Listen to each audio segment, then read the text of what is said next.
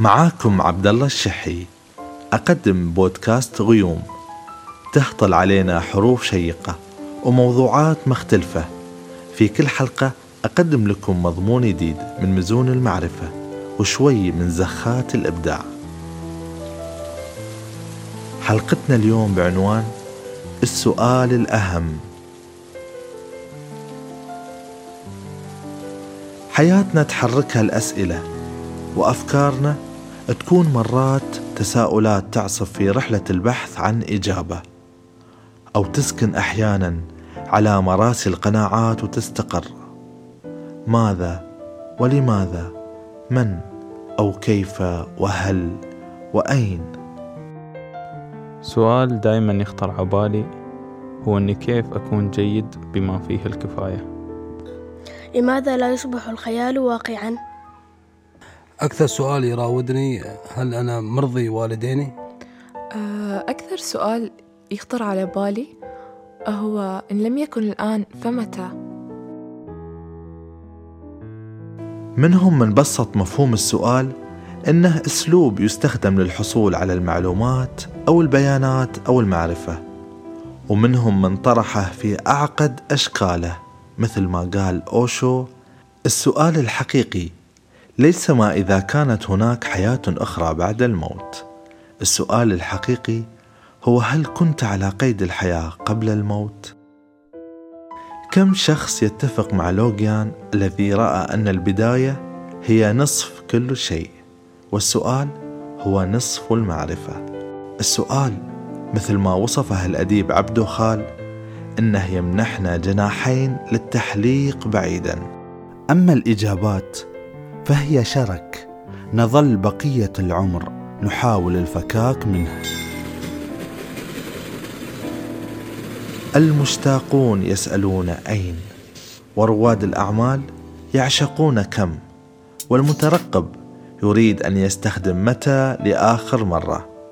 المترددون يسألون كيف؟ والمحتار يسأل هل؟ هكذا نحن في بحر الأسئلة. نبحث عن إجابات. نستمر في السؤال فتستمر الرحلة. أنت عارف قبلك معنى الحب إيه؟ حب إيه اللي أنت جاي تقول عليه. جربت بدافع الفضول استخدام جوجل لأطرح بدايات الأسئلة؟ وأتعرف على اهتمامات الناس وما هي أسئلتهم الأكثر شيوعا. وبمجرد أن كتبت ما هو أكمل عني جوجل وقال ما هو الحب أم ما هو التنمر؟ وحين كتبت لماذا؟ فجاءت الإجابات لماذا نتعلم؟ أم لماذا يعلم المعلمون؟ وتفاجأت عندما استطردت في كتابة بقية الأسئلة. لأجد اهتمامات الناس وقد كشفت ووضعت علامة على التوجهات والدوافع.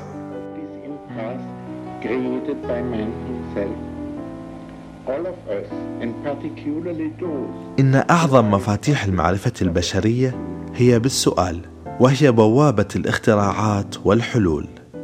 وهذا ما أكده ألبرت أينشتاين حين قال أهم شيء هو ألا تتوقف عن السؤال.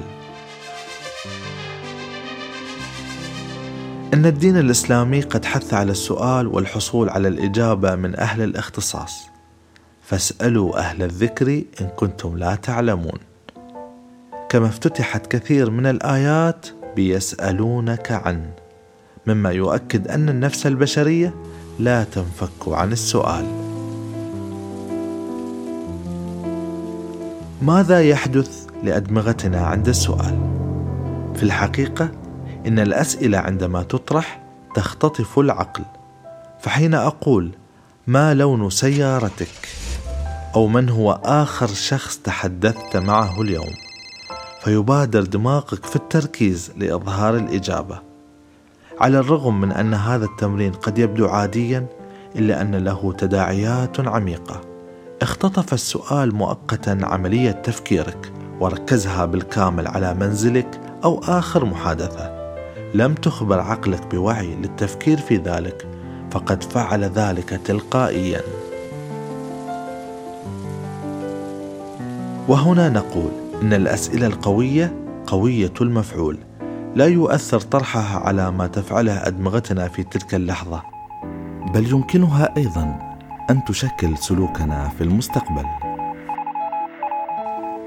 هذا ما وجده علماء السلوك أنه بمجرد سؤال الناس عن قراراتهم المستقبلية يؤثر بشكل كبير على تلك القرارات. ففي عام 1993 أجرى علماء الاجتماع فيكي موريتز وإيريك جونسون وديفيد شيملتون دراسة مع أكثر من أربعين ألف مشارك. كشفوا أن سؤال شخص ما ببساطة عما إذا كان سيشتري سيارة جديدة في غضون ستة أشهر قد زاد من معدلات الشراء بنسبة 35% ووفقا لدراسة نشرت في مجلة علم النفس التطبيقي فإن سؤال المواطنين عما إذا كانوا سيصوتون في انتخابات قادمة يزيد من احتمال تصويتهم بنسبة 25% كما أن دراسة أخرى في عام 2008 وجد الباحثون أن السؤال عن نية الشخص إعطاء الدم يرفع معدلات التبرع بنسبة متواضعة ولكنها جديرة بالملاحظة 8.6%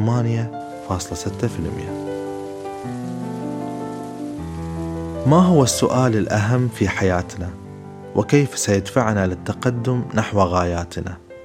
هذا هو السؤال الذي يبحث عن سؤال أما الإجابة فهي رحلة حياتنا الممتعة ودروب كفاحنا نحو ما نصبو إليه ونتمناه شكرا لكم على الاستماع ونلتقي مع غيمة جديده